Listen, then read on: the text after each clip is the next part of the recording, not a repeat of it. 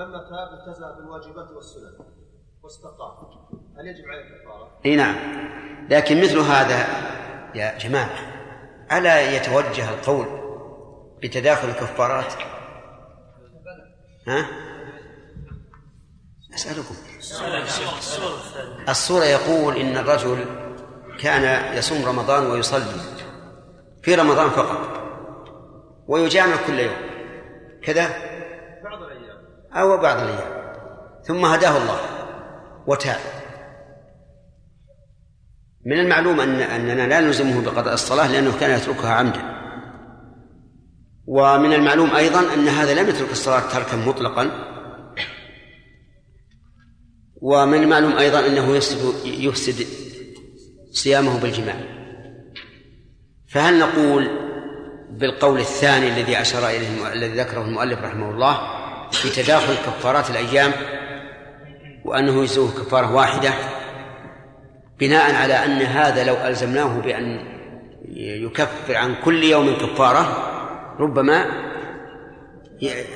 يرتد. ويقول إذا كنت إن استقمت لزمني هذا الأمر فلا لزوم. وهذا وارد. هذا وارد. فهل من من من حسن التربية أن نأخذ بالقول الثاني الذي له وجه من النظر كما أسلفنا فيما سبق في الدرس الماضي؟ لو أن لو أنه استفتاني وعرفت أن الرجل قد تاب توبة نصوحة قلت يكفيك كفارة واحدة ولكن لا تخبر الناس بذلك. نعم. نعم. قلنا من لم يجد تسقط في حقه الكفاره طيب هل تسقط الآن؟ وإذا حضرت الكفاره تيسرت لا تسقط. لا تبقى دينا في ذمته بل تسقط نهائيا. طيب دليل ذلك بارك الله هذا الحديث. قال خذه واعطمه اهلك ولا قال وإن استغنيت فكفر. طيب أما يقال أن هذا الآن فعلا اهله محتاجون؟ بلى يقال كان أهله محتاجين أيضا هذا الصواب. نعم. ها. طيب يطعمهم لأنهم أفقر. ما يخالف لكن ألا يمكن ان ان أن يستغنوا يوما من الدهر؟ أسألك. نعم. نعم كن شجاعا في الجواب. طيب إذا كان يمكن لماذا لم يقل له الرسول وإن استغنيت فكفر؟ كما قال لواجد اللقطة. إن جاء يومها من صاحبها يوما من الدهر فادفعها إليه. مع أنه بعد السنة سوف يملكها. إذا إذا أنشدها سنة ولم يأتي أحد فهي له ملكه ومع ذلك قال له إن جاء صاحبها يوم من الدهر فادفعها إليه. عرفت؟ نعم. باب القضاء. يجوز تفريق قضاء يجوز تفريق قضاء رمضان. لقول الله تعالى فعدة من أيام أخر وهذا مطلق يتناول التفريق. وروى الأثرم بإسناده عن محمد بن المنكدر أنه قال بلغني أن رسول الله صلى الله عليه وسلم سئل عن تقطيع قضاء رمضان فقال لو كان على أحدكم دين فقضاه من الدراهم من الدرهم والدرهمين حتى يقضي ما عليه من الدين. هل كان ذلك قاضيا دينه؟ قالوا نعم يا رسول الله. قال فالله أحق بالعفو والتجاوز منكم. قال المحشي إسناده صحيح مرسل. نعم مرسل لأنه رواه. محمد بن محمد بن منكدر. يقول بلغني والمتتابع والمتتاب والمتتابع أحسن. لا يقول رواه الدار قطني بنحوه ما عندكم؟ ها؟ موجود. أي نعم.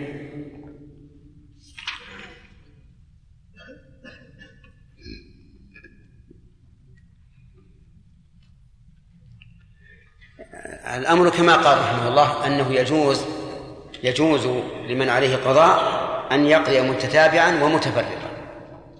لقول الله تعالى فعدة من أيام أخرى ولم يقل فشهر من من من شهر من شهور أخرى قال عدة من أيام أخرى وهذا يشمل المتفرق والمتتابع. ولأن عائشة رضي الله عنها قالت كان يكون علي الصوم من رمضان فما أستطيع أن أقضيه إلا في شعبان. وهذا يدل على أنها لو قضته يوما ثم يومين مفطرة ثم يومين مفطرة أنه لا بأس به وهو كذلك. نعم لكن اقرأ. والمتتابع أحسن لأنه أشبه بالأداء وأبعد من الخلاف ويجوز له تأخيره ما لم يأت رمضان. العلة التتابع أفضل لأنه أشبه بالأداء فإن رمضان كان متتابعا. وأصل من الخلاف من خلاف من قال يجب القضاء فورا وهو قول ضعيف لا لا يعول عليه. ولأنه أسبق إلى الخيرات أسبق إلى الخيرات لأن القضاء خير وكلما قدمت فهو خير. ولأنه أسرع في إبراء الذمة ولأنه أحوط. فإن الإنسان لا لا يدري متى يأتيه الموت ثم يبقى هذا الصوم دينا في ذمته. وقد يصوم الولي وقد لا يصوم وقد يطعم وقد يتأخر في الإطعام. فعلى كل التتابع لا شك أنه أفضل وأحسن. نعم. ويجوز له تأخيره ما لم يأت رمضان آخر لأن عائشة رضي الله عنها قالت لقد كان يكون علي الصيام من رمضان فما أقضيه حتى يجيء شعبان. متفق عليه. ولا يجوز تأخيره لغير عذر. أكثر لا عندك صدق الظاهر عندك اقرأ ولا يجوز. ولا يجوز تأخيره لغير عذر أكثر من ذلك. تقديم وتأخير ما يدري لأنه لو جاز لأخرته عائشة ولأن تأخيره غير مؤقت إلحاقا له بالمندوبات. إلحاق. إي نعم.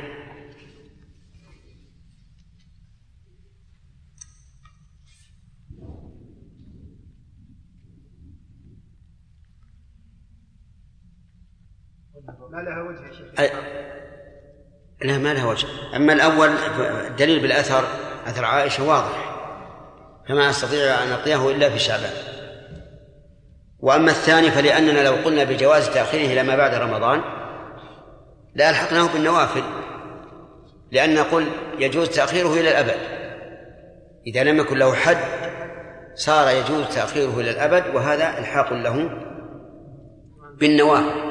يعني يجعل كأنه نافلة تعليل ثالث ولأن رمضان الثاني بمنزلة خروج وقت الصلاة ولا يجوز تأخير الصلاة عن وقتها إلى وقت آخر لأن القضاء ما بين الرمضانين ثم يأتي صلاة أخرى يعني يأتي شهر آخر له متعلقاته نعم. لأن فإن أخره لعذر فلا شيء عليه. لأن فطر رمضان يباح للعذر فغيره أولى وسواء مات أو لم يمت لأنه لم لأنه لم يفرط في الصوم فلم فلم يلزمه شيء كما لو مات في رمضان. وإن أمكنه هذه مسألة مهمة. إذا أخره لعذر فإنه لا شيء عليه لا إطعام ولا قضاء. فلو أن إنسانا مرض في رمضان مرضا يرجى بره ثم استمر به المرض حتى مات فلا شيء عليه. لا يصوم عنه وليه ولا يقضى من ولا يطعم عنه. لماذا؟ لأنه لم يستطع الصوم. وقولنا وهو يرجى برؤه. احترازا مما لو جاءه رمضان وهو لا يرجى برؤه فهذا ليس فرضه الصيام وإنما فرضه الإطعام فيطعم عنه وينتهي أمره في في رمضان. ينتهي أمره في رمضان. وهذه مسألة قد يغلط فيها بعض الطلبة. قد يظن أن المسألة الأولى كالمسألة الثانية ولكن بينهما فرق. لأن فرض المريض في المسألة الأولى الصوم أن يصوم بدل ما ترك ولم يستطع بعد ذلك. فسقط عنه كما لو مات في رمضان. أو مات في شعبان. وأما الثانية ففرض إيش؟ الإطعام أصلا. يعني هذا الذي مرضه لا يرجى برؤه إذا جاء رمضان فلا صوم عليه أصلا وإنما يجب الإطعام فنطعم عنه في نفس الشهر وينتهي أمره. نعم. وإن أمكنه القضاء وإن أمكنه القضاء فلم يقض حتى جاء رمضان آخر قضى وأطعم عن كل يوم مسكينا لأن ذلك يروى عن ابن عمر. كيف تقول رمضان آخر؟ والله عز وجل يقول شهر رمضان غير منصرف. إي نعم لأن هنا رمضان ليس علما على شهر بعينه وإنما مطلق فليس فيه علمية حتى يمتنع من الصرف. اي سمعتم جوابه؟ رمضان مما زيد فيه الألف والنون. وما زيد فيه الألف والنون سواء كان عالما أم صفة فإنه يشترط العلمية أو الوصفية. وليس مجرد زيادة الألف والنون مانعا من الصرف حتى يضم ينضم إليه العلمية أو الوصفية.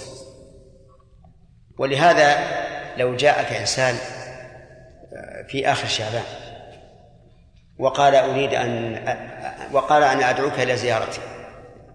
فقلت إن شاء الله بعد رمضان بعد رمضان. قال إن شاء الله من يوم نفطر؟ قلت من يوم نفطر. نفطر منين؟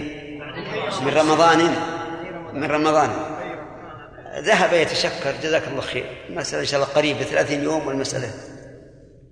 فجاء بعد بعد العيد وقال يلا. أوفى. أقول له أنا ما عينت أنا قلت بعد رمضان نعم لكن هذا من باب التورية ولا سيما في مخاطبة العوام.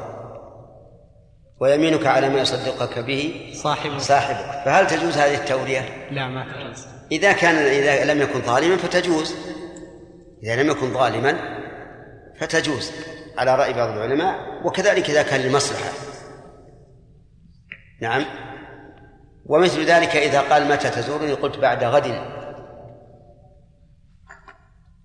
بعد غد يفهم أنه يوم الثلاثاء من ليلتنا هذه.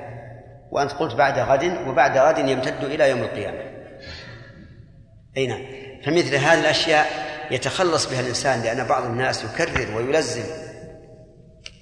وهذا ممكن ترضيه فيما بعد تقول يا أخي أن يقول لك بعد غد وتقول له في نفس الوقت بعد غد إلى يوم القيامة.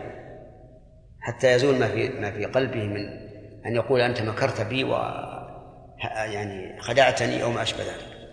نعم. لكن أحسن الله إليك. الملاحظ أنت الوقت؟ أن استعمال يعني الناس الموثوقين. إيش؟ أقول استعمال ال ال ال الناس الذين هم محل الثقة عند الناس. نعم. مثل التورية هذه. نعم. يفقدهم الثقة عند الناس ما في شك ولهذا تكلمنا عن هذه المسألة لكن إذا بين الأمر لهم إذا بين الأمر لهم في الحال ما في شيء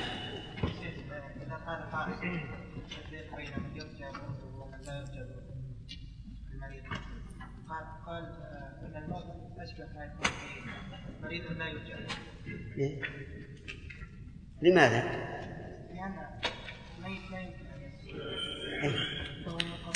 طيب انقطع عمله إذا مات الإنسان انقطع عمله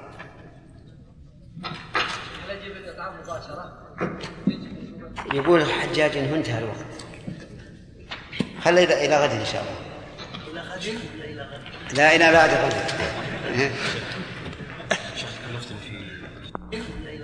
لا إلى بعد غد.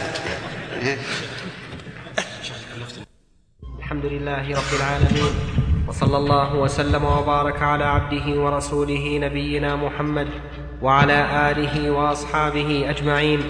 أما بعد فقد قال الإمام الموفق أبو محمد رحمه الله تعالى في كتاب الكافي في كتاب الصوم باب القضاء.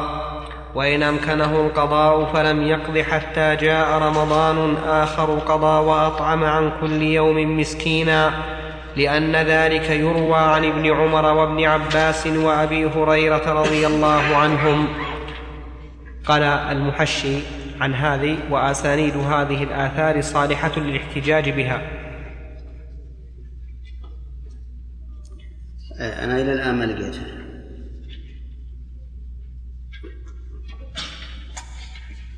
ويجوز تأخيره ما لم يأتي رمضان آخر. ولا يجوز تأخيره أكثر من ذلك لغير عذر بعد بعد. فإن أخره لعذر فلا شيء عليه. كذا؟ بعد. وإن أمكنه الصيام فلم يقضي هذا هو؟ وإن أمكنه القضاء. أنا عندي رقي الصيام. كلكم نسخكم القضاء. إيه نخلي أنا. نجعله نسخ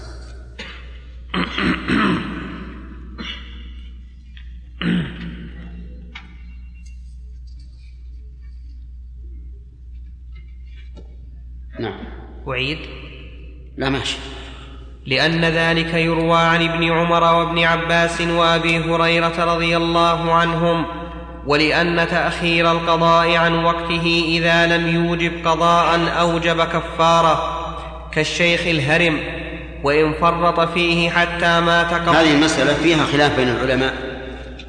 إذا أخره إلى رمضان الثاني بلا عذر ثم قضاه فمنهم من يرى أنه يلزمه كفارة إطعام مسكين مع كل يوم. بناء على هذه الآثار التي أشار إليها المؤلف رحمه الله تعالى. ومنهم من يقول لا إطعام عليه. لعموم قول الله تعالى فعدة من أيام أخر ولم يذكر شيئا ولم يصح عن النبي صلى الله عليه وعلى آله وسلم شيء. ولعل إفتاء هؤلاء الثلاثة إنما كان من باب الاحتياط أو من باب التعزير أو ما أشبه ذلك. وأما إثبات حكم شرعي بها مع وجود عموم في القرآن وترك في السنة فلا يمكن أن نلزم عباد الله بمثل هذا. لكن لا شك أن الاحتياط أن يطعم وأما إلزام الناس بذلك فلا. وكثير من الناس الذين يسألون الآن يرون أن الإطعام أثقل عليهم من القضاء. ولهذا تجدهم يفرحون إذا قلت لهم لا يجب عليكم إلا الصيام. ويسألون عن, عن, عن هذا الإطعام. وأما القياس فهو قياس مع الفارق. وهو مما يدلنا على أن الإنسان يجب أن إيش؟ يستدل قبل أن يعتقد. انظر للقياس. ولأن تأخير القضاء عن وقته إذا لم يوجب ولأن تأخير القضاء عن وقته إذا لم يوجب قضاء إذا لم إيش؟ أوجب كفارة. طيب إذا لم يوجب قضاء وهذا أوجب قضاء. وأيضا قياس على الهرم غلط. لأن الهرم يكفر في وقت في وقت الأداء ما في التأخير. ولكن كما قلت لكم سابقا أن إن الإنسان إذا اعتقد أولا صار يحاول أن يثبت ما اعتقد ولو على وجه مستكره. فالصواب أن يقال الآثار على العين والرأس لكن هل قالوا ذلك على سبيل الوجوب أو على سبيل الاحتياط وكف النفس عن عن ذلك في المستقبل؟ وأما نعم لا أنا أقول باستمرار ما هو سؤال هذا؟ وأما قياسه على الهرم فهو, فهو قياس بعيد. نعم. كالشيخ الهرم وإن فرط فيه حتى مات قبل رمضان آخر أطعم أطعم عنه عن كل يوم مسكين لأن ذلك يروى عن ابن عمر. طيب ولم يذكر المؤلف أن يصام عنه. لم يذكر أن يصام عنه. مع أنه فرط ولم يقل بلا عذر. وإنما لم يذكرها لأن المشهور من المذهب أنه لا يقضى عن الموت عن الميت إلا صوم النذر فقط. عرفتم؟ وأن قول الرسول صلى الله عليه وسلم فيما روته عائشة وهو صحيح من مات وعليه صيام صام عنه وليه هذا في النذر. ولكن لا دليل على التخصيص. ويا سبحان الله كيف يخصص الحديث في النذر مع أن النذر وقوعه نادر؟ وصيام رمضان وقوعه كثير. كثير. ما أكثر الذي يموت قبل أن يقضي رمضان. وما أقل الذي يكون عليه نذر فيقضى عنه. وحمل الحديث على أمر نادر مع وجود أمر أكثر بكثير ليس بصواب. فالصواب أنه يقضى عنه. ولكن لا على سبيل الوجوب لأننا لو قلنا يجب على الولي أن يصوم لزم من ذلك تأثيمه بالترك. وقد قال الله تعالى ولا ولا تزر وازرة وزر أخرى. إذا فنطعم عنه. إذا قال الولي أنا لن أصوم. قلنا أطعم. إذا لم يكن له تركة لأنه يطعم من تركته. إذا لم يطعم عنه إذا لم يكن له تركة قلنا إن تبرع أحد بالإطعام عنه فمشكور ومثاب وإن لم يفعل أحد سقط عنه لأنه لم يجد شيئا. نعم. وإن مات المفرط بعد أن أدركه رمضان آخر فكفارة واحدة عن كل يوم يجزئه نص عليه لأن الكفارة الواحدة أزالت تفريطه فصار كالميت من غير تفريط. وقال أبو الخطاب عليه لكل يوم فقيران لأن كل واحد يقتضي كفارة فإذا اجتمعا وجب بها كفارتان. بهما. بهما كفارتان.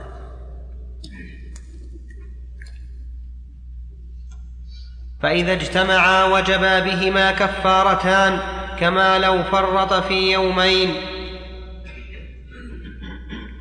وكأن أبا الخطاب رحمه الله قاس الإطعام على الصيام فإنه كما تقدم قريبا إذا أخره إلى رمضان آخر بدون عذر لزمه الصوم والكفارة. فكذلك إذا أخر الكفارة إذا مات فعليه الكفارة فيكون عليه كفارتان ولكن الصحيح أنه ليس عليه إلا كفارة واحدة. نعم. ويجوز لمن عليه قضاء رمضان التطوع بالصوم لأنها عبادة تتعلق بوقت موسع فجاز التطوع بها في وقتها قبل فعلها كالصلاة. وعنه لا يجوز لأنها عبادة يدخل في جبرانها المال فلم يجز التطوع بها قبل فرضها كالحج والأول أصح لأن الحج يجب على الفور بخلاف الصيام. سبحان الله. يشوف يجوز لمن عليه قضاء رمضان التطوع بالصوم قبل القضاء. ما لم يبقى على رمضان الثاني بقدر ما عليه من الفرض. فإن بقي من رمضان فإن بقي على رمضان الثاني بقدر ما عليه من الفرض لم يصح التطوع. لأن الوقت الباقي تعين للفريضة. فلا يمكن أن تحل محلها النافلة. لكن يستثنى من ذلك صوم ستة, ستة أيام من شوال. فإنه لو صامها لا يصح الصوم. لكنه لا ينال الأجر المرتب عليها. وهو قول الرسول صلى الله عليه وسلم من صام رمضان ثم أتبعه بست من شوال فكأنما صام الدهر. وذلك لأن الرسول عليه الصلاة والسلام قال من صام رمضان ثم أتبعه. ومن عليه قضاء لا يصح أن يقال إنه صام رمضان. ثم إنه إذا قدرنا أن عليه خمسة عشر يوما من رمضان. وصام ستة أيام من شوال كم صام؟ صام واحد وعشرين يوما ولم يصم شهرا وستة أيام وإنما جعل صوم الشهر وستة أيام بمنزلة صيام الدهر لأن صوم رمضان بعشرة أشهر وصوم ستة أيام من شوال بشهرين وهذا الذي تطوع بها قبل أن يتم رمضان لم يحصل له هذا الشيء. وبقي أن يقال القول الراجح كما قدم المؤلف رحمه الله أنه يجوز أن يتطوع الإنسان بالصوم قبل قضاء رمضان. لكن أيما أولى؟ إيش؟ أول الأولى القضاء لأن القضاء واجب.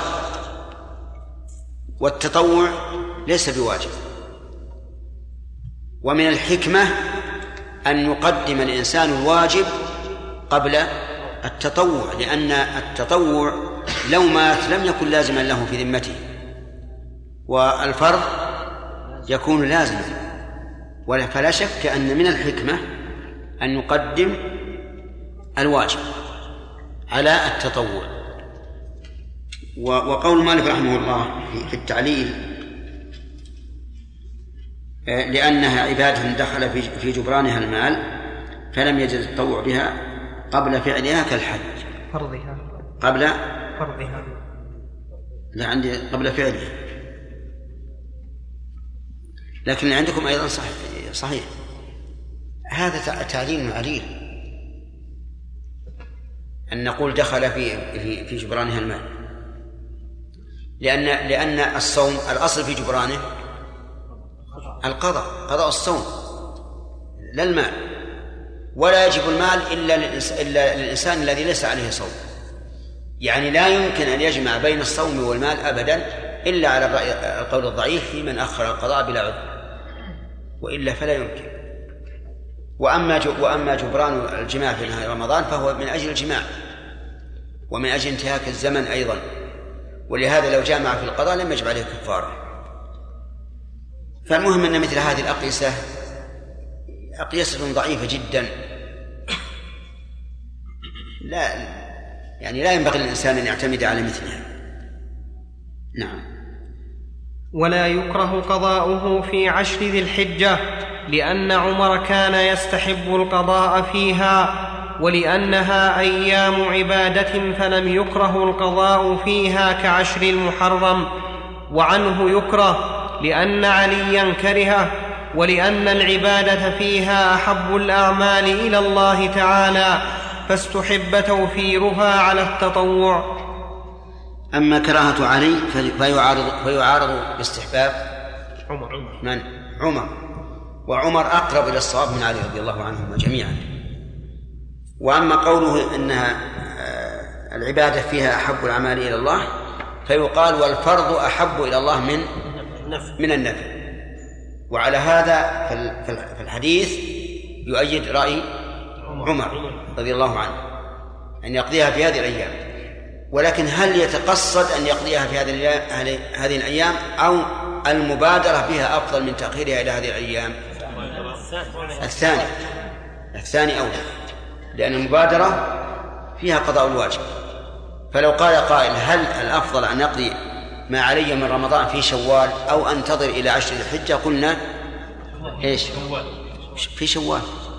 للمبادرة إلى الخير نعم لو فرض أن الإنسان صار له عذر إلى آخر يوم من ذي القعدة فحينئذ يمكن أن يسأل هل ترون أن أصوم عشر ذي الحجة تطوعا أو قضاء؟ ماذا نقول؟ نقول قضاء أفضل. أولا لأثر عمر وثانيا لما فيه من المبادرة إلى الخير وثالثا أن الفرائض أحب إلى الله من النوافل. كما قال الله تعالى في الحديث القدسي ما تقرب إلي عبدي بشيء أحب إلي مما افترضت عليه. نعم. بارك الله فيكم. لو قلنا بالتفصيل في فتوى من أخر رمضان أخر قضاء رمضان بغير عذر إلى رمضان آخر إن إذا كان الإنسان يعني متهاون ويظهر عليه يعني عدم الالتزام يعني بالفرائض فنلزمه بالإطعام باب السياسة كما اذن عمر الناس عندما بالطلاق ما ما يستقيم ما يستقيم لكن الذي روى عنهم هؤلاء الصحابة يمكن قصدوا هذا. نعم. ما يجمع بين النية و الرسول صلى الله عليه وسلم. لا. شيخ قضاء رمضان. إيه؟ لو أفطر الإنسان في قضاء. ما يجوز. لا يجوز أن يفطر في قضاء رمضان بغير عذر شرعي لأن كل من دخل في فرض وجب عليه إتمامه وكل من دخل في نفل لم يجب عليه إتمامه إلا الحج والعمرة. انتبهوا للقاعدتين هذا في حرمة الزمن وهذا ما في زمن محترم. أي يوم تصومه ما في مانع. نعم.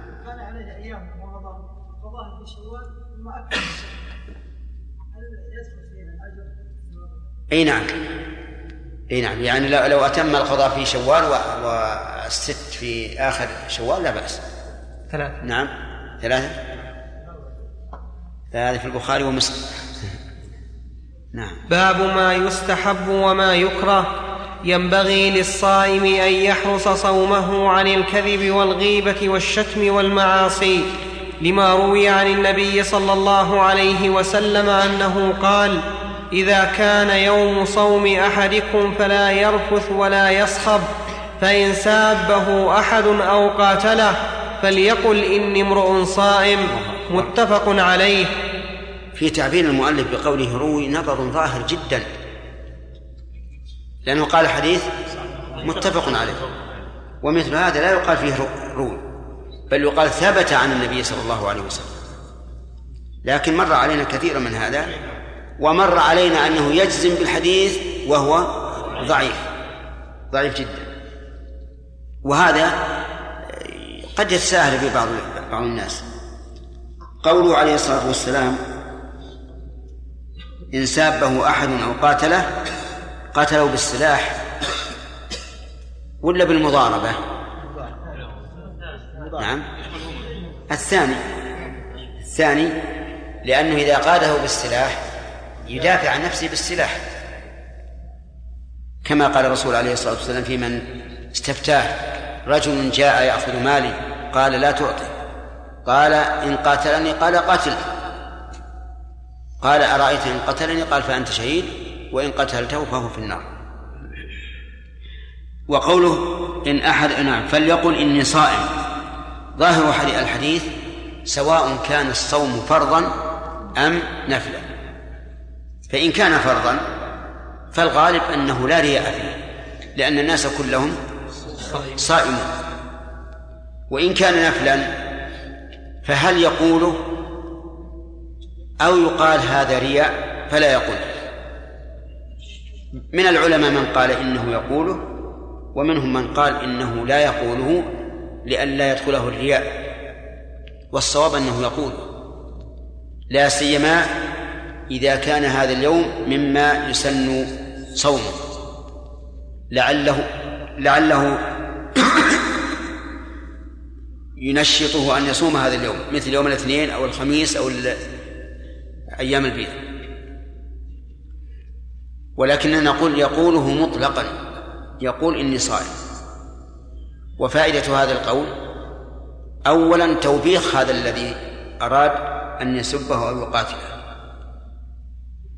وثانيا بيان أنه قادر على مقابلته لكنه ترك الأمر لله عز وجل.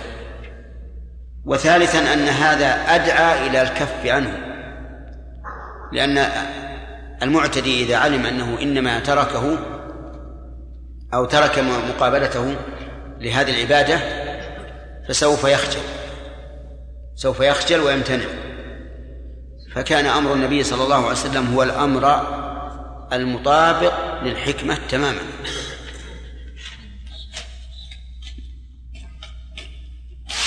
ويستحب للصائم السحور لما روى أنس أن النبي صلى الله عليه ماذا وسلم ترى السحور ولا السحور؟ السحور. السؤال خاص نعم. السحور يا شيخ. بالفتح ولا بالضم؟ بالفتح. يعني يستحب له الغ- الغداء. لا. هو على كل حال الرسول قال في السحور غداء مبارك. ما قصدنا بك تسحر الضحى؟ لا. لا، هو ما في إشكال. الكلام على هل المراد السحور الذي هو الطعام؟ أو المراد الفعل؟ أو الفعل. هو إذا قيل السحور كان المراد به الفعل. ولا اذا معناها الفعل أحسن عشان ما يحتاج إلى تأويل. لأنك ما دمت قلت اذ فالسحور أحسن. السحور؟ بالضم نعم. ويستحب للصائم السحور لما روى أنس أن النبي صلى الله عليه وسلم قال تسحروا فإن في السحور بركة.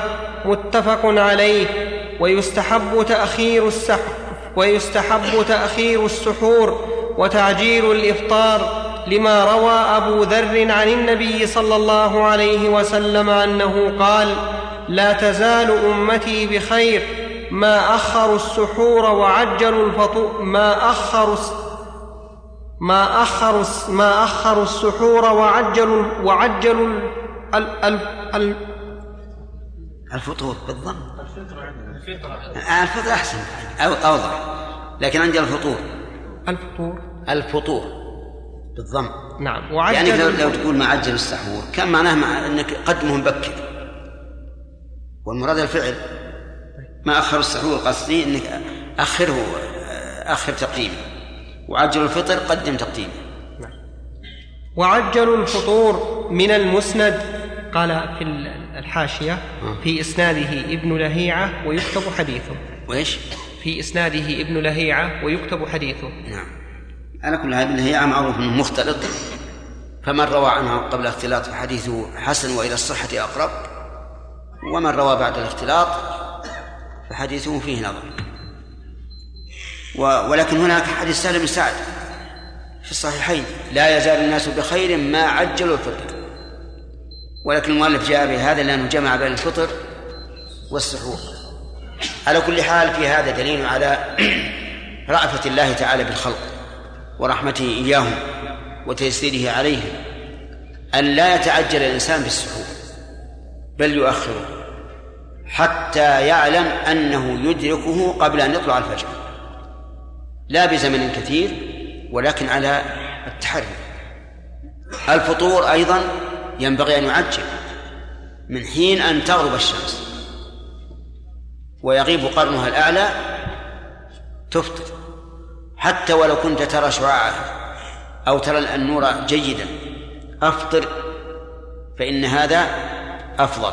قال الله تعالى في الحديث القدسي أحب إلي عبادي أحب عبادي إلي أعجلهم فطرا وهذه من من الرحمة وبهذا نعرف خطأ أولئك الموسوسين الذين يقولون إلزم قبل طلوع الفجر خمس دقائق. وفعلا يوقتون أذانهم على هذا أي على وقت قبل أن يطلع الفجر بخمس دقائق وهذا غلط عظيم. غلط من وجهين من جهة الصيام ومن جهة الصلاة. أما من جهة الصيام فلأنهم يحرمون عباد الله ما أحل الله لهم. أليس كذلك عبد السلام؟ أين ذهبت؟ صحيح؟ طيب. يحرمونه ما أحل الله لهم لأن الله أحل لنا أن نأكل ونشرب إلى متى؟ حتى يتبين الفجر. والنبي صلى الله عليه وسلم قال كلوا واشربوا حتى تسمعوا أذان ابن أم مكتوم فإنه لا يؤذن حتى يطلع الفجر.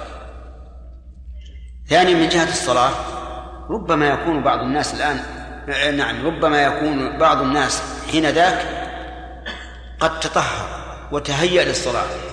ومن حين أن يؤذن يقوم ويؤدي الفريضة أو يؤدي الراتبة ثم الفريضة وهذا خطر عظيم لأنه لو كبر للإحرام قبل الوقت بدقيقة واحدة. فصلاته نافلة لا تجزي عن الفريضة. وهذا خطر وما دام الله عز وجل يسر لنا حتى يتبين لكم والرسول قال حتى تسمعوا أذان ابن أم مكتوم فإنه لا يؤذن حتى يطلع الفجر. فقال أصبحت أصبحت ثم يذهب ويؤذن. مسألة فيها سعة والحمد لله. ولكن بعض الناس يضيق ما وسع الله فيضيق على نفسه وعلى عباد الله. وحدثني رجل ثقة عن مؤذن أعمى. لا يؤذن ولو أذن الناس. يقول لأنه إذا أذن الفجر شممت ريحه. إذا؟ طلع الفجر. إيه نعم أسأل الله. إذا طلع الفجر شممت ريحه. ما تقولون في هذا؟ يمكن. نعم. يمكن. لا يمكن. يمكن. ويقول إنه جرب. و و و ولوحظ. لوحظ أنه إذا أذن رأوا الفجر. وهذا أيضا ثبت طبا من جهة الفلك. إن هذا النور الفجر سبحان الله العظيم يرسل أشياء مثل الغازات أو أشياء لكنها خفية. ما يدركها إلا ذاك الرجل اللي شمه قوي. واستحب بعض الناس بعض الأطباء أنك عند طلوع الفجر تفتح الأبواب النوافذ حتى يدخل إليها هذا الذي تأتي به زخمة الشمس والفجر. ولله في خلقه شؤون. وأما الزكم يا أحمد فإذا كنت كذلك فإذا زكمت لا تعتبر نفسك. هذا شيخ هذا فعلا ثبت صحيح؟ إيه والله حدثني ثقة. لا لا طبيا يعني اي نعم. طبيا قالوا هكذا. شيخ في مثل انتهى الوقت. في مثل الحالة هذه نعم. ورما يصير مؤذن البلد نعم. واحد. كما مثلا كما في بعض البلدان نعم. يجعلون مؤذنا واحدا يؤذن في مكان نعم. ثم ينقل إلى سائر المساجد عن طريق مكبرات الصوت. هذا بارك الله فيك من أول قبل. كان الناس يعتمدون على أذان الجامع. قبل يوم البلد ما اتسعت لا يؤذنون حتى يؤذن. الجامع. حتى يؤذن الجامع. ولا يؤذنون المغرب حتى يؤذن أيضا. وأنا يعني أدركت وغير من- منكم. كان المدفع بالأول لأذا- للغروب على إيش اسمه هذا؟ عند الصالحية نعم على الصنقر يسمونها الصنقر و وكان آه، الرئيس رحمه الله إذا غابت الشمس وهو في المنارة آه، قبل أن يأتي الكهرب يشير لهم بخرقة حمراء فيطلق المدفع وبعد أن جاء ال- الكهرب صار فيه لمبة حمراء نجفة حمراء إذا غابت الشمس ولعها ثم أطلق المدفع لكن كان المسألة ممكنة الآن ما يمكن. اللهم إلا إن إن وضعنا إذاعة هنا محطة إذاعة في عنيزة علشان إذا دخل الوقت يؤذن والرواد مفتوحة في كل الجهات. ممكن؟ هو الحين يقولون يا شيخ الحين في عمان في عمان الآن يا شيخ. اي لا بأس. عن طريق الإذاعة. لا لا ما عندنا إذاعة. في عمان يا شيخ مثلا يأتون للجامع الكبير إيه. ويخلون فيه مؤذن ثقة. نعم. يعني يتقن الوقت. نعم. ثم يؤذن فيه. الجامع قد وصل بأسلاك كهربائية إلى كل المساجد في عمان. عجيب. فإذا أذن في هذا كل عمان تؤذن. صحيح. يمكن هذا من أول يعني استعدوا له الآن. الآن. لا موجود. ها؟ الان لعله لا سلفي والله أعلم. شيخ محمد يمكن. ناصر افتى بدعيه هذه المساجد إي. الشيخ الألباني قال. هذه بدعه ما تجوز. إي ولو قال. ليت تحصل لنا. يا شيخ ترون إن هذا يوسف ها؟ ما ترون أنتم بارك الله فيكم؟ وش فيه؟ في هذا الموضوع. ما في بأس. لا بأس. ابدا. أحسن من كل, كل, كل واحد يؤذن متى ما شاف ساعة تؤذن يمكن تقدم أو تاخر شيخ هل هل يمكن أن نشترط أن يكون المؤذن الأول ثقة؟ بلى. فإن لم يكن. الا يدور غيره.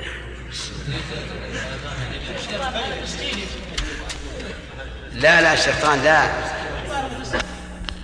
يقول هكذا شيخ الإسلام دائما نجد في كلامه. إطلاق القول. نعم الموفق بالكافي وغيره. أفهمت؟ أي. ولكن وهذا ليس معناه اني أقول ليش تسأل إنما أقول هذه افهموها مني. إذا ذكرت قولين ولم أرجح يعني يعني لم يتبين وجه الراجح. هنا شيخ أحيانا حصل انه بارك الله فيكم يكون مثلا نسيان أو كذا. ربما لكن رجحتم. لكن الاصل لا والله أنتم تلزون بعض الأحيان. يعني اضطر إلى ان أن أرجح. مع اني يمكن لو تأملت ثاني رجعت عن الترجيح. شيخ بالنسبة للدرس الروم انتهى الوقت جزاك الله خير. لا لا انتهى انتهى خمس دقائق ما في ما تزيد. نعم. بسم الله الرحمن الرحيم. الحمد لله رب العالمين وصلى الله وسلم وبارك على عبده ورسوله نبينا محمد وعلى آله وأصحابه أجمعين. أما بعد فقد قال الإمام الموفق أبو محمد رحمه الله تعالى في كتاب الكافي في كتاب الصوم باب ما يستحب وما يكره ويستحب. ويستحب تأخير السحور وتعجيل الإفطار. في باب أحسن في باب لأنك قلت باب ما يستحب ويكره. نعم. ثم قلت ويستحب يظن السامع. إن بداية إن هذا أول الباب. نعم. في باب ما يستحب وما يكره ويستحب تأخير السحور وتعجيل الإفطار لما روى أبو ذر عن النبي صلى الله عليه وسلم أنه قال لا تزال أمتي بخير ما أخروا السحور وعجلوا الفطور من المسند على كل حال ذكرناها نعم. ويستحب أن يفطر على رطب فإن لم يجد فعلى تمرات فإن لم يجد فعلى الماء. لما روى أنس قال كان رسول الله صلى الله عليه وسلم يفطر على رطبات قبل أن يصلي. فإن لم يكن فعلى تمرات فإن لم يكن حسى حسوات من ماء. وهذا حديث حسن. يفعل هذا عليه الصلاة والسلام تحقيقا للفطر. تحقيقا للفطر. وإلا فقد يكون الإنسان لا يشتهي أن يأكل تمرا أو أن يشرب ماء ولكن تحقيقا للفطر ينبغي أن يفعل كما فعل النبي صلى الله عليه وسلم وليبادر بذلك. طيب هل يقدم الطعام سوى التمر على الشراب؟ الجواب لا لأن بإمكان الرسول عليه الصلاة والسلام أن يأخذ خبزا إن كان عنده. وعلى هذا فلو كان عند الإنسان طعاما وليس عنده تمر. قلنا أفطر على ماء. وقد قال النبي عليه الصلاة والسلام في هذا الحديث فإن لم يكن فليفطر على ماء فإنه طهور. قاله في حديث آخر فإنه طهور. طيب إذا لم يجد شيئا كمسافر غابت عليه الشمس وهو صائم وليس معه شيء. فعند العامة يمص أصبعه. يمص أصبعه. ويفطر. واختار بعضهم يعني بعض العامة أن يبل بطرته بريقه هكذا ثم يفصلها ثم يمصها. ويكون هذا أفطر على إيش؟ على ريق. وكل هذا عام لا أصل له. نقول إذا لم تجد شيئا تأكله أو تشرب أو تشربه فانوي بقلبك أنك أفطرت. نعم. ولا بأس بالسواك لأن عامر بن ربيعة قال رأيت رسول الله صلى الله عليه وسلم ما لا أحصي يتسوك وهو صائم وهذا حديث حسن. قال المحشي إسناده صحيح. نعم. ذكر البخاري تعليقا. نعم. عند قبله ذكره المؤلف قال حديث حسن. والمحشي وافقه. وقف؟ أقول وافقه. وقف. وافقه. وافقه. نعم. طيب. قول المؤلف لا بأس بالسواك الظاهر أنه أراد بذلك دفع قول من يقول إنه مكروه. وإلا فالأصل أنه أي السواك سنة لا شك فيه. لكن هل يسن في أول النهار وآخره؟ الصحيح أنه يسن في أول النهار وآخره للصائم. بعموم الأ- الأحاديث الواردة في فضل السواك. مثل قوله صلى الله عليه وسلم السواك مطهرة للفم مرضاة للرب. ومثل قوله لولا أن أشق على أمتي لأمرتم بالسواك عند كل صلاة مع كل وضوء. وهذه أدلة عامة. لم يستثنى منها شيء مع كثرة الصيام من الرسول عليه الصلاة والسلام ومن المسلمين في عهده. وذهب بعض أهل العلم إلى أنه لا يسن للصائم بعد الزوال أن يتسوك لأنه يذهب رائحة خلوف فم الصائم. لأن فم الصائم في آخر النهار يكون تكون رائحته كريهة لما يخرج من البخار من المعدة الخالية من الطعام والشراب. قالوا فيكره أن يتسوك لأنه يزيل بذلك أثر عبادة تعبد لله بها. فهو كغسل دم الشهيد إذا قتل فإن الشهيد إذا قتل يدفن في ثيابه ودمه ولا يغسل لأن الدم يبقى فيه يخرج يوم القيامة ودمه يثعب دما. وجرحه, وجرحه يثعب دما اللون لون, لون الدم والريح ريح المسك. فيقال في هذا أولا لا قياس في العبادات وثانيا هذا القياس مخالف لظاهر إيش؟ النصوص. النصوص. فلا فلا يعول عليه.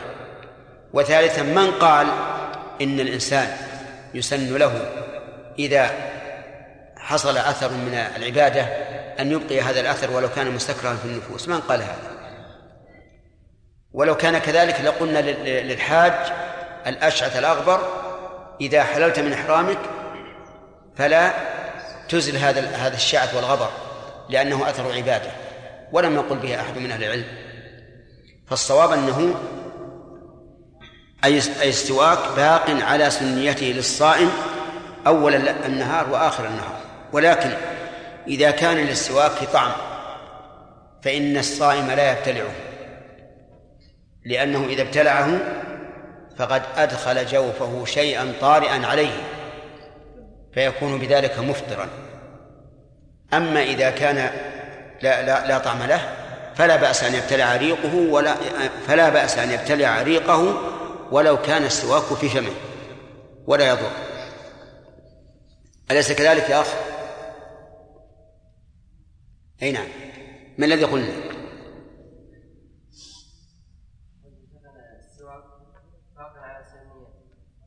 أي نعم. ولو كان الإنسان نائما. ها. إيش؟ ولو كان يعني لكن إذا كان له فإنه لا يستريح. طيب واللي بعد هذه الجملة؟ فإن فإن لم يكن له فلا بأس ولو, ولو بلع السواك. الله يهدينا وياك حط بالك جزاك الله خير.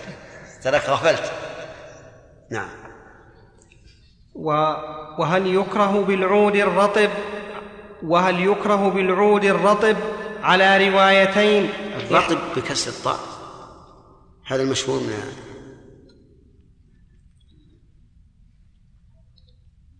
ولا السكون؟ المشهور السكون ولا الكسر؟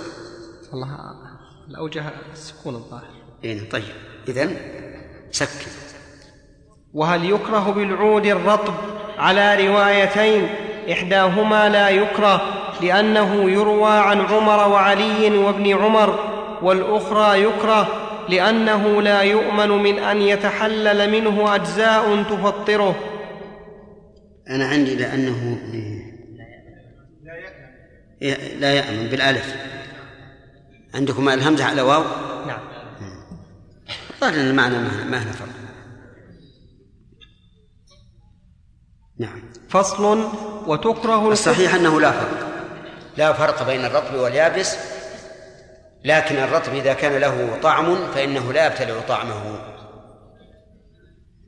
فصل وتكره القبلة لمن تحرك شهوته لأنه لا يأمن إفضاءها إلى فساد من صومه. من إفضائها عندي. نسخ تصحيح ولا؟ نسخ عندكم؟ إفضاءها. إفضاءها. اجعلوها نسخة لأنها من عندي أوضح اللي عندي أوضح.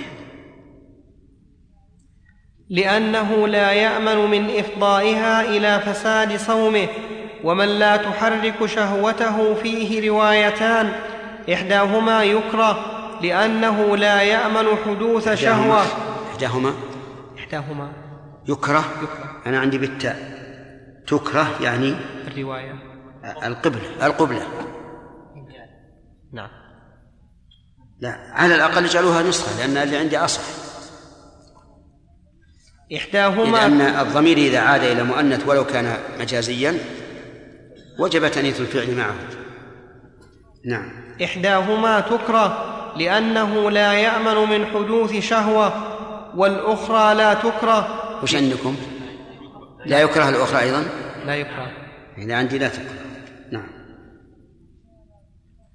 والأخرى لا تكره لأن النبي صلى الله عليه وسلم كان يقبل وهو صائم لما كان أملك لإربه. متفق عليه. ال- ال- ال- الطبع عندنا ليس فيها شيء لكن إيه. المحشي يكون متفق عليه. إيه، وهو متفق عليه. عندنا أصل. أي نعم. إيه، ضعوه. ضعوه. وقد روي عن أبي هريرة أن رجلا سأل النبي صلى الله عليه وسلم عن المباشرة للصائم فرخص له فأتاه آخر فسأله فنهاه فإذا الذي رخص له شيخ وإذا الذي والذي نهاه شاب رواه أبو داود. وقال المحشي إسناده صحيح. نعم. هذا الحديث اختلف العلماء في تصحيحه. فمنهم من قال إنه ضعيف ومنهم من قال إنه حسن. أما أن يصل إلى درجة الصحة ففيه نظر. والثابت عن النبي صلى الله عليه وعلى آله وسلم أنه كان يقبل وهو صائم. وسئل عن ذلك وكان عنده أم سلمة فقال للسائل سل هذه. فأخبرته أن النبي صلى الله عليه وسلم كان يباشر وهو صائم ويقبل وهو صائم. فقال يا رسول الله إنك قد غفر الله لك ما تقدم من ذنبك. فقال والله إني لأعلمكم بالله وأخشاكم له. وهذه إحالة على فعل الرسول عليه الصلاة والسلام تدل على أن لنا به أسوة. أسوة. والصواب أنها جائزة. القبلة جائزة حتى لمن تحرك شهوته. ولا دليل على المنع. والأصل الحل إلا من عرف من نفسه سرعة الإنزال. فإنه لا يقبل خوفا من فساد صومه وقياسا على قول الرسول صلى الله عليه وسلم للقيط بن صبرة بالغ في الاستنشاق إلا أن تكون صائما. فالصواب أنها جائزة ولا بأس بها والأصل الحل ولم يحرم الله يحرم الله علينا إلا الجماع. فالآن باشرهن والمباشرة كلها المباشرة في القرآن هي الجماع. باشروهن وابتغوا ما كتب الله لكم إلى أن قال حتى يتبين لكم الخيط الأبيض من الخيط الأسود من الفجر. ثم أتموا الصيام إلى الليل ولا تباشروهن وأنتم معكم في المساجد. طيب فإن خاف الإمذاء فقط فإن فإن قلنا بأنه يفطر بالإمداء حرمت القبلة. وإن قلنا لا يفطر به وهو الصحيح لم تحرم لأنها ستؤدي إلى فعل جائز. نعم. أسئلة. دور الأسئلة. كيف؟ دور الأسئلة. طيب. بعضهم إذا دعي إلى صلاة المغرب في الجماعة قبل أن يفطر قال آه، احتج بتعجيل الفطر وبأنه لا صلاة مع حضرة الطعام. نعم. نقول صدقت. ها حجاج جائز. ما فيه أي جائز. إذا كان مشتاقا له كان ابن عمر يأكل يتعشى ويسمع آه، صوت الإمام. ولو فاتت صلاة الجماعة يا شيخ. أي نعم معذور لكن يمكن هذا يكون نادرا من الناس. كثير يا شيخ عندنا. والله ما أدري. كان بطونكم أرغب من بطون الناس. يمكن شيخ لو يعني الصائم أكل في النهار يعني لادنا. إيش؟ لادنا يعني. نادما؟ لادنا. ها؟ يعني علكا يعني. لبان. إيه قل علكا يا أخي مش لا؟ لا بنا هذه ما سمعنا طيب لو أكل يعني هذا. هذا أولا نحن ننهى عنه. لا لأنه حرام. العلك للصائم لا يفطر ما لم يكن له طعم يجري بريقه. لكننا لا لا نحبذ هذا. أولا لإساءة الظن به. من يدري أن الذي في في فمه علك أو تمرة مثلا وثانيا لئلا يقتدي به من لا يعرف الحكم فيظن أن الأكل للصائم لا بأس به. أما إنسان خاص في بيته مثلا وأكل لبانا لأجل يعني يخفف آه، يجمع ريقه بطنه فهذا لا بأس به. مضغ شيخ؟ أكل ولا مضغ؟ لا يمضغ فقط. وكذلك الحجر يا شيخ. نعم. حجر الأملس يضع في فمه ليجمع ريقه ويبتلعه لا هذا ربما إذا أدخل الحجر في فمه و وله طعم ثم جمع الريق عليه ابتلع ريقه وفيه طعم. أما إذا لم يكن فيه طعم إطلاقا فلا بأس. لكني أظن أن الإنسان يمكن أن يجمع ريقه بدون أن يضع أن يضع في فمه حجرا. شيخ بارك الله فيكم على القول بتحسين حديث أبي داود في الشيخ والشاب. نعم. ويحمل أن هذا الشاب عرف النبي صلى الله عليه وسلم أنه يمني سريع يعني أقرب إلى الإمنة. نعم. هو هو هو لو صح الحديث لقلنا إنه ينزل على هذا يعني بمعنى أن الشاب قريب ان أن يحصل منه انزال اذا إذا باشر إذا قبل زوجته نعم ويكون فيه فائدة عظيمة هذا الحديث لو صح. فائدة وهو اختلاف الفتوى بحسب حال المستفتي. وهي مسألة مهمة جدا وهذا لها أمثلة كثيرة. ذكر ابن القيم جملة منها في إعلام الموقرين إن الفتوى تختلف بحسب اختلاف الأحوال والأزمان. نعم يا ثلاثة. ثلاثة؟ ثلاثة يا عبد الله. هيئة للجملة الثانية. والحكم في اللمس وتك وتكرار النظر كالحكم في, القب في القبلة لأنهما في معناها. ويكره أن يذوق الطعام فإن فعل فلم يصل إلى حلقه شيء لم يضره وإن وصل شيء فطره ويكره مضغ العلك ويكره مضغ قوله يكره ذوق الطعام لم يستثن المؤلف شيئا. لكن ينبغي أن يستثنى بلا حاجة. أن يستثنى منه ما إذا ذاقه لحاجة كامرأة في المطبخ تريد أن تذوق الطعام ما مدى كثرة الملح أو الحار أو ما أشبه هذا. المهم إذا كان لحاجة لا بأس. أما إذا كان عبثا أو من أجل أن يتلذذ بطعم الطعام في فمه فهذا يكره. ويكره مضغ العلك القوي الذي لا يتحلل منه شيء. فأما ما يتحلل منه أجزاء يجد طعمها في حلقه فلا يحل مضغه إلا أن لا يبلع ريقه. فإن بلعه فوجد طعمه في حلقه فاضطره وجد طعم ما لا يتح وإن وجد. وإن وجد طعمه. وإن وجد طعم ما لا يتحلل منه شيء في, في حلقه ففيه وجهان. أحدهما يفطره كالكحل والثاني لا يفطره لأن مجرد الطعم لا يفطر. كمن لطخ باطن قدميه بالحنظل فوجد مرارته في حلقه لم يفطره. ويكره الغوص في الماء لئلا يدخل مسامعه. الحنظل تعرفونه؟ إي نعم. زين. يقولون إنه إذا لطخ الإنسان باطن قدمه فيه به أحس بطعمه في حلقه. أحس بطعمه في حلقه لأنه قوي المرارة. ثم إن بعض الناس يستعمله من أجل تليين الطبيعة. إذا كان فيه يبوسة في الخارج منه فإن هذا يلين الطبيعة بمنزلة المسهم وهذا حسب التجربة. وهذه التي ذكر المؤلف. تدلنا على أن القول الصحيح في مسألة الكحل أو التقطير في الأذن إذا وصل الحلق فإنه لا يفطر لأن العلة واحدة. هم يعللون مسألة الحنظل إذا لطخ به باطن القدم يقولون لا يفطر لأن القدم ليس منفذا معتادا. فيقال وكذلك العين والأذن ليست منفذا معتادا. ولا أحد يحاول أن يوصل الطعام إلى المعدة من طريق العين أو الأذن. نعم. انتهى الوقت عبد الله عايد عوض. أقول ان أنه ذكر في مجالس رمضان في صحيح مسلم أن الذي سأل الرسول صلى الله عليه وسلم أنه عمر بن أبي سلمة وهو كان شابا. نعم. نعم. إحنا قلنا أحد الصحابة وهو هو من الصحابة هو صحابي.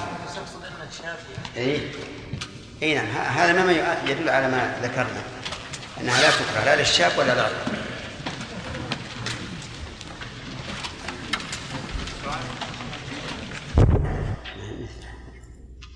بسم الله الرحمن الرحيم. الحمد لله رب العالمين. وصلى الله وسلم وبارك على عبده ورسوله نبينا محمد وعلى آله وصحبه أجمعين. أما بعد فقد قال الإمام الموفق أبو محمد رحمه الله تعالى في كتاب الكافي في كتاب الصوم في باب ما يستحب وما يكره. ويكره الغوص في الماء لئلا يدخل مسامعه فإن دخل فهو كالداخل من المبالغة في الاستنشاق لأنه حصل بفعل مكروه فأما الغسل فلا بأس به لأن النبي صلى الله عليه وسلم كان يصبح جنبا ثم يغتسل. متفق عليه. قول يكره الغوص في الماء وعلله بعلة عليلة. الغوص في الماء يعني معناه أن يكون الإنسان عنده بركة أو بحر أو نهر فيسبح فيه ويغوص. يقول المؤلف أنه يكره. والكراهة حكم شرعي تحتاج إلى دليل شرعي أو تعليل صحيح تشهد النصوص له بالصحة. إذا رجعنا إلى هذه المسألة لم نجد دليلا وإذا نظرنا إلى التعليل وجدنا أنه عليل لأنه يقول لأنه يدخل مسامعه. أين المسامع؟ ثنان الظاهر أنا لعله يريد مسامة. كل نسخ عندكم مسامعه شوف النسخ. هي عندي مسامع أيضا. لكن المسامع كما تعلمون لا تجمع لأن الإنسان ما عنده إلا مسمعين. ليس عنده إلا مسمعان الأذن اليمنى والأذن اليسرى. والمسام قد تكون أقرب يعني مسام البدن. لكن لنجعلها مسامع. يدخل مسامعه. فيقال إذا دخل إلى مسامعه هل يصل إلى إلى إلى حلقه؟ لا. وقياسه على الاستنشاق قياس ضعيف. لأن الاستنشاق من قبل الأنف منفذ عادي.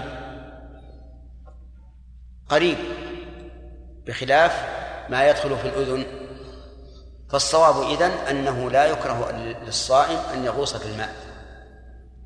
لكن يخشى في غوصه من أن يدخل الماء إلى أنفه. فيقال وإذا دخل إلى أنفه وهو لم يقصده فلا حرج عليه. نعم. فصل. ويكره الوصال. ويكره الوصال وهو أن يصوم يومين لا يفطر بينهما. لما روى أنس أن النبي صلى الله عليه وسلم قال لا تواصلوا. قالوا إنك تواصل. قال إني لست كاحدكم إني أطعم وأسقى. متفق عليه. فإن أخر فطره إلى السحر جاز. لما روى أبو سعيد أنه سمع رسول الله صلى الله عليه وسلم يقول لا تواصلوا فأيكم أراد أن يواصل فليواصل حتى السحر. أخرجه البخاري. عندي إلى السحر. عندكم حتى؟ وعلى كل هذا معنى واحد. لأن حتى السحر بمعنى إلى السحر كقوله تعالى حتى مطلع الفجر أي إلى مطلع الفجر. الوصال كما قال المؤلف رحمه الله أن يصوم يومين لا يفطر بينهما وهو مكروه ما لم يتضرر به الإنسان. فإن تضرر كان حراما. لأن لأن لأن الله تعالى قال ولا تقتلوا أنفسكم إن الله كان بكم رحيما. وقد استدل عمرو بن العاص رضي الله عنه بهذه الآية على جواز التيمم خوفا من أذى البرد. فإن النبي صلى الله عليه وسلم بعثه بسرية فأجنب فتيمم في ليلة باردة. فلما رجعوا إلى النبي صلى الله عليه وسلم قال أصليت بأصحابك وأنت جنوب قال يا رسول الله ذكرت قول الله تعالى ولا تقتلوا أنفسكم إن الله كان بكم رحيما. فتيممت. فضحك النبي صلى الله عليه وسلم حتى بدت نواجذه أو أنيابه فأقره على استدلاله مع أنه لن يموت في الغالب من البرد لكن يتضرر به. فدل هذا على أن كل ما فيه ضرر على البدن فهو إيش؟ فهو حرام. فالوصال مكروه ما لم يكن فيه ضرر فإن كان فيه ضرر كان حرام. ثم ذكر نهي النبي صلى الله عليه وسلم عنه فإن نهى عن الوصال. ولكن الصحابة ظنوا أن نهيه إياهم رأفة بهم. لا اختيارا للأفضل فواصلوا. فتركهم النبي عليه الصلاة والسلام يواصلون حتى رؤي الهلال. فقال لو تأخر الهلال لزدتكم. كالمنكل له يعني جعل تركهم يواصلون حتى يعلموا أن الوصال لا خير فيه. لأنهم إذا إذا لو تأخر الهلال مثلا لو كان الوصال من أول الشهر وتأخر عشرين يوما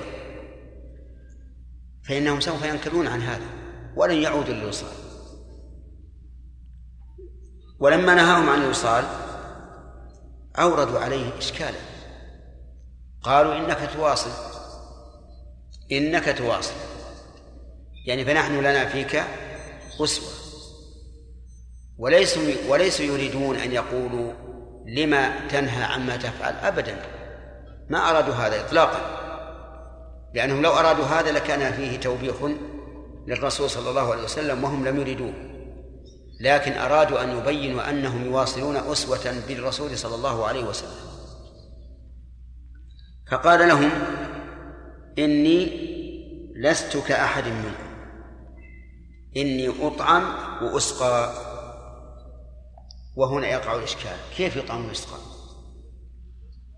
لأنه إذا كان يطعم ويسقى فلا وصال إذ أن الوصال أن لا يأكل الإنسان ولا يشرب ولا يأتي مفطرا بين بين اليومين فأكثر.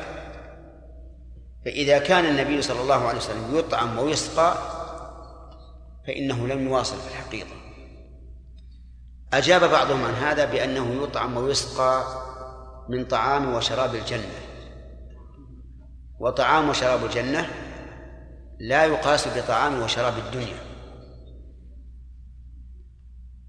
وهذا أيضا فيه نظر لأن طعام وشراب الجنة إن كان يغذي فهو بمعنى طعام وشراب الدنيا وإن كان لا يغذي فإنه لا يغني شيئا في الوصال. فبطل هذا هذا الجواب. وأحسن ما قيل فيه أن النبي صلى الله عليه وسلم كان لشدة اتصال قلبه بربه ينسى الحاجة إلى الطعام والشراب. ينسى الحاجة إلى الطعام والشراب. ومثل هذا اليقين الذي يحصل للرسول عليه الصلاة والسلام لا يحصل لأحد من الخلق.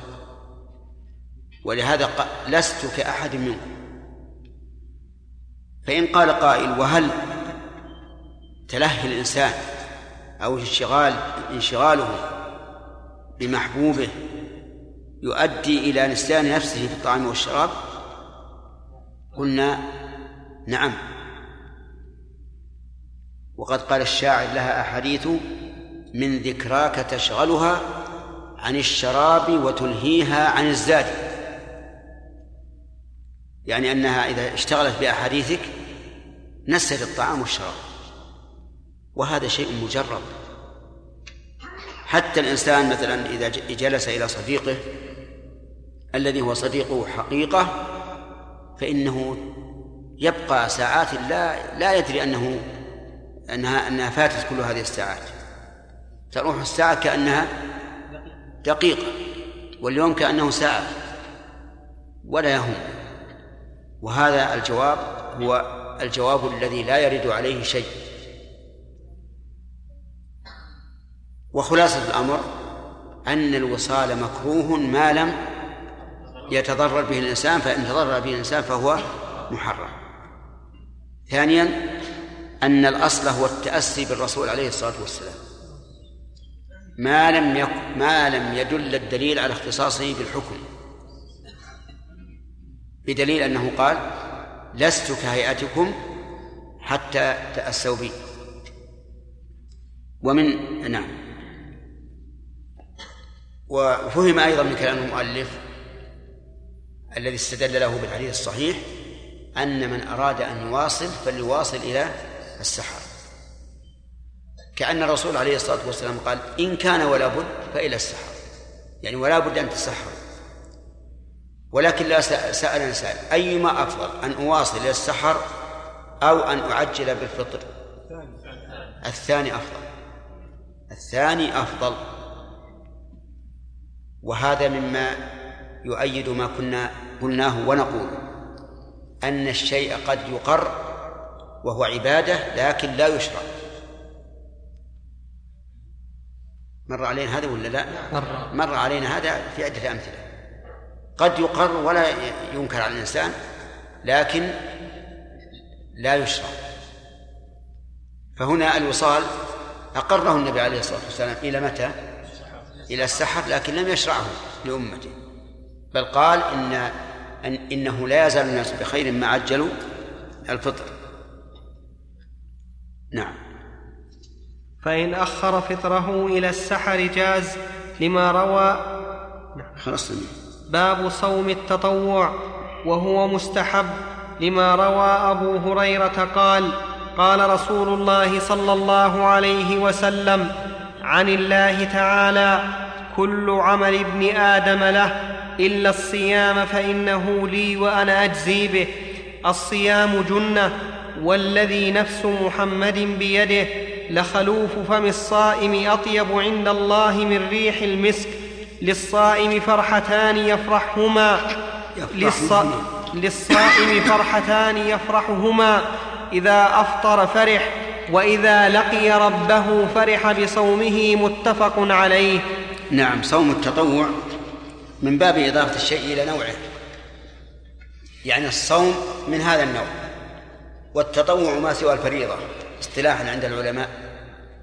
وأصله فعل الطاعة ولو واجبة. حتى المصلي فريضة أو الصائم فريضة يقال له متطوع. لكنه اصطلاحا وعرفا عند الفقهاء هو ما عدا الفريضة. من نعمة الله سبحانه وتعالى أنه جعل لكل عبادة من العبادات الخمس فريضة وتطوعا. فريضة وتطوعا لأن التطوع تجبر به الفرائض يوم القيامة. وما من وما منا أحد إلا وفي فرائضه نقص. هذا النقص يجبر بالتطوع من جنس العبادة. فلا تجبر الصدقة بتطوع الصلاة ولا الصلاة بتطوع الصدقة ولكن الصلاة تجبر بصلاة التطوع والزكاة تجبر بالصدقة. الصوم له تطوع وهو ما عدا صوم رمضان فكله تطوع وهو سنة وسيأتي إن شاء الله تفصيله. واستدل المؤلف بهذا الحديث القدسي وهو قوله تبارك وتعالى كل عمل ابن آدم له إلا الصيام فإنه لي وأنا أجزي به. كل عمل ابن آدم له فسر بلفظ آخر الحسنة بعشر أمثالها إلى سبعمائة ضعف إلا الصوم فإنه لي وأنا أجزي به أي أجزي بدون محاسبة بدون حساب. إذا كانت الأعمال الحسنة بعشر أمثالها فهذا الحسنة بثواب لا يعلمه إلا الله. ثواب على الله سبحانه وتعالى هو الذي يجزي به وما أعظم الثواب إذا كان من أكرم الأكرمين سبحانه وتعالى. وقوله فإنه لي إذا قال قائل وبقية العبادات لمن؟ لله. فكيف قال لي؟ يقول لأن الصوم أخلص ما يكون في العبادات. إذ أنه سر بين العبد وبين ربه. يكون عندك في المجلس عشرة رجال. منهم رجل صائم لا تدري هل هو صائم أم لا. لكن الله يدري. طيب الصلاة لا يمكن أن يقوم الإنسان بتطوع إلا وهو يشاهد. لأنها أفعال وأقوال. وكذلك الصدقة وكذلك الحج وكذلك بقية الأعمال. لا بد أن ترى. لكن الصيام سر بين العبد وبين ربه فهو أعظم ما يكون إخلاصا. فإذا كان خالصا لله ما فيه رياء كما قال بعض السلف الصيام لا رياء فيه لأنه أمر خفي. إلا إن تسلط الإنسان على نفسه وقال للناس أنا أصوم أصوم يوم ورا يوم. هذا صار فيه رياء. لكن إذا كان بينه وبين ربه فلا رياء فيه لأنه لا يرى وقوله إلا الصوم الصيام جنة. جنة الجنة بضم الجيم ما يستتر به عن الأعداء وهي مثل الترس. والترس مثل مثل الطشت والطشت مثل الصحن. والصحن معروف. هذه يأخذها المقاتل إذا أحد أهوى إليه. بسيف أو بسهم جعل جعل هذا بينه وبين ما ما أهوي به عليه. فهو جنة يقي. فكيف كان الصوم جنة؟ نقول هو جنة للمتقين من الأعمال السيئة. لقول الله تعالى كتب عليكم الصيام كما كتب على الذين من قبلكم إيش؟ لعلكم تتقون. ولقول النبي صلى الله عليه وسلم من لم يدع قول الزور والعمل به والجهل فليس لله حاجة في أن يدع طعامه وشرابه. إذن هو جنة يقي الإنسان من الأعمال السيئة إذا حفظ صومه. هو جنة أيضا من النار يوم القيامة. لأن في الجنة بابا يسمى الريان لا يدخله إلا الصائمون. فصار جنة في في الدنيا وجنة في الآخرة. ثم أقسم النبي صلى الله عليه وسلم بقوله والذي نفس محمد بيده لخلوف فم الصائم أطيب عند الله من ريح المسك. خلوفه ما ما يخرج من فمه من نتن ورائحة كريهة ولا سيما في آخر يوم الصوم. هذه مكروهة في مشام الناس لكنها عند الله أطيب من ريح المسك. لأنها ناشئة عن عن طاعته كدم الشهيد عليه. يخرج يوم القيامة وجرحه يثعب دما اللون لون الدم والريح ريح المسك. للصائم فرحتان. فرحتان يفرحهما. إذا أفطر فرح بفطره. وإذا لقي ربه فرح بصومه. فرحتان يفرحهما فرحة في الدنيا وفرحة في الآخرة. فرحة الدنيا إذا أفطر فرح بفطره. فرح بفطره لأنه أدى فريضة من فرائض الله أو طاعة من طاعاته. أو فرح بفطره لأنه أحل له ما كان ممنوعا منه. أو الأمران. نعم الأمران. النفس بطبيعتها تفرح إذا أحل لها ما حرم عليها من قبل. والنفس الزكية تفرح إذا قضت الفريضة أو تقربت إلى الله بالتطوع فالإنسان إذا إذا أفطر يفرح. أولا أنه أتم طاعة لله. وثانيا أنه أبيح له ما كان حراما. أما فرحه إذا لقي ربه فيفرح بصومه أي بأنه صام. لأنه يجد الثواب عند الله ليس كالأعمال الأخرى الحسنة بعشر أمثالها بل هو ثواب عظيم لا يقدر قدره لا لا يقدر قدره إلا الله عز وجل. نعم. جاء وقت الأسئلة.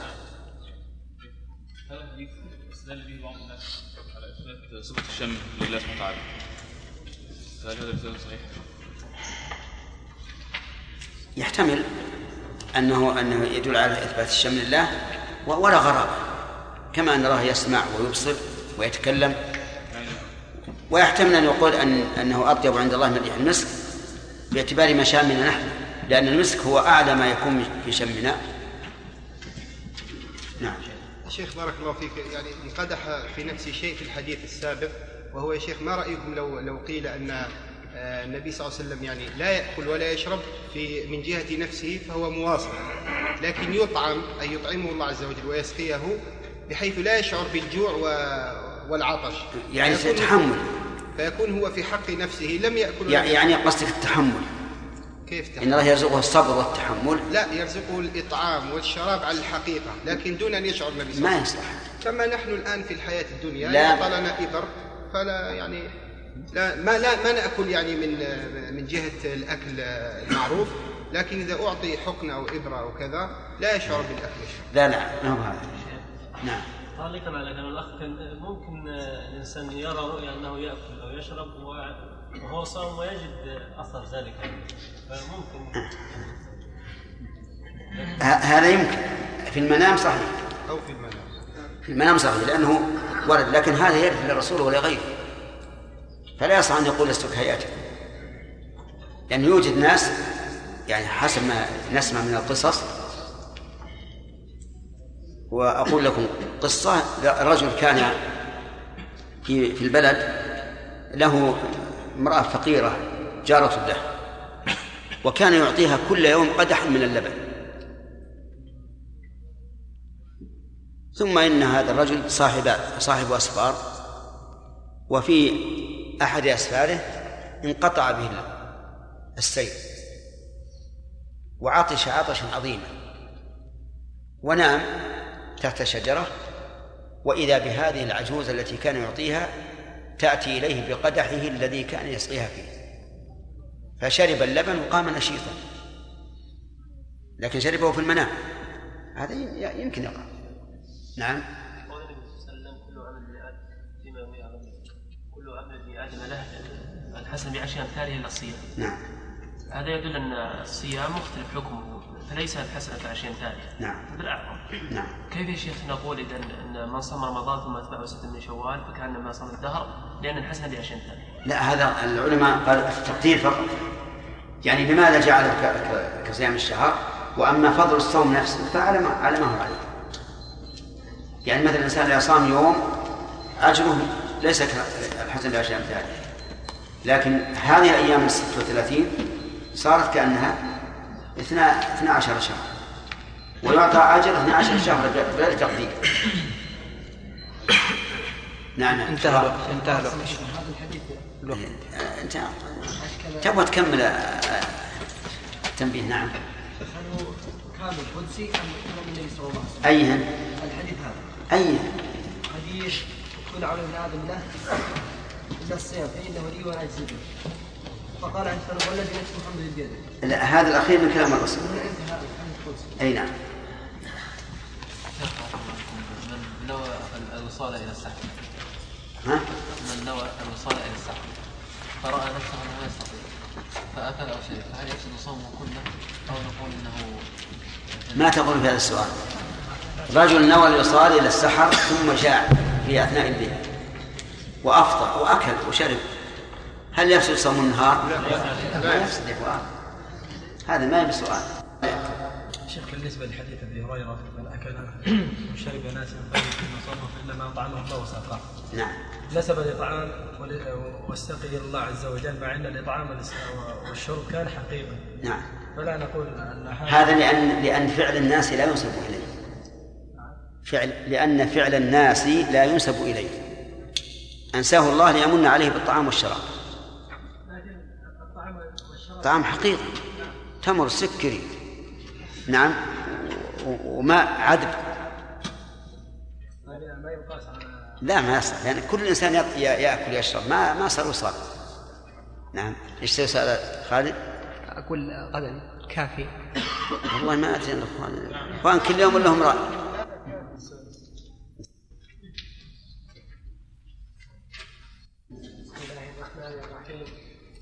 الحمد لله رب العالمين.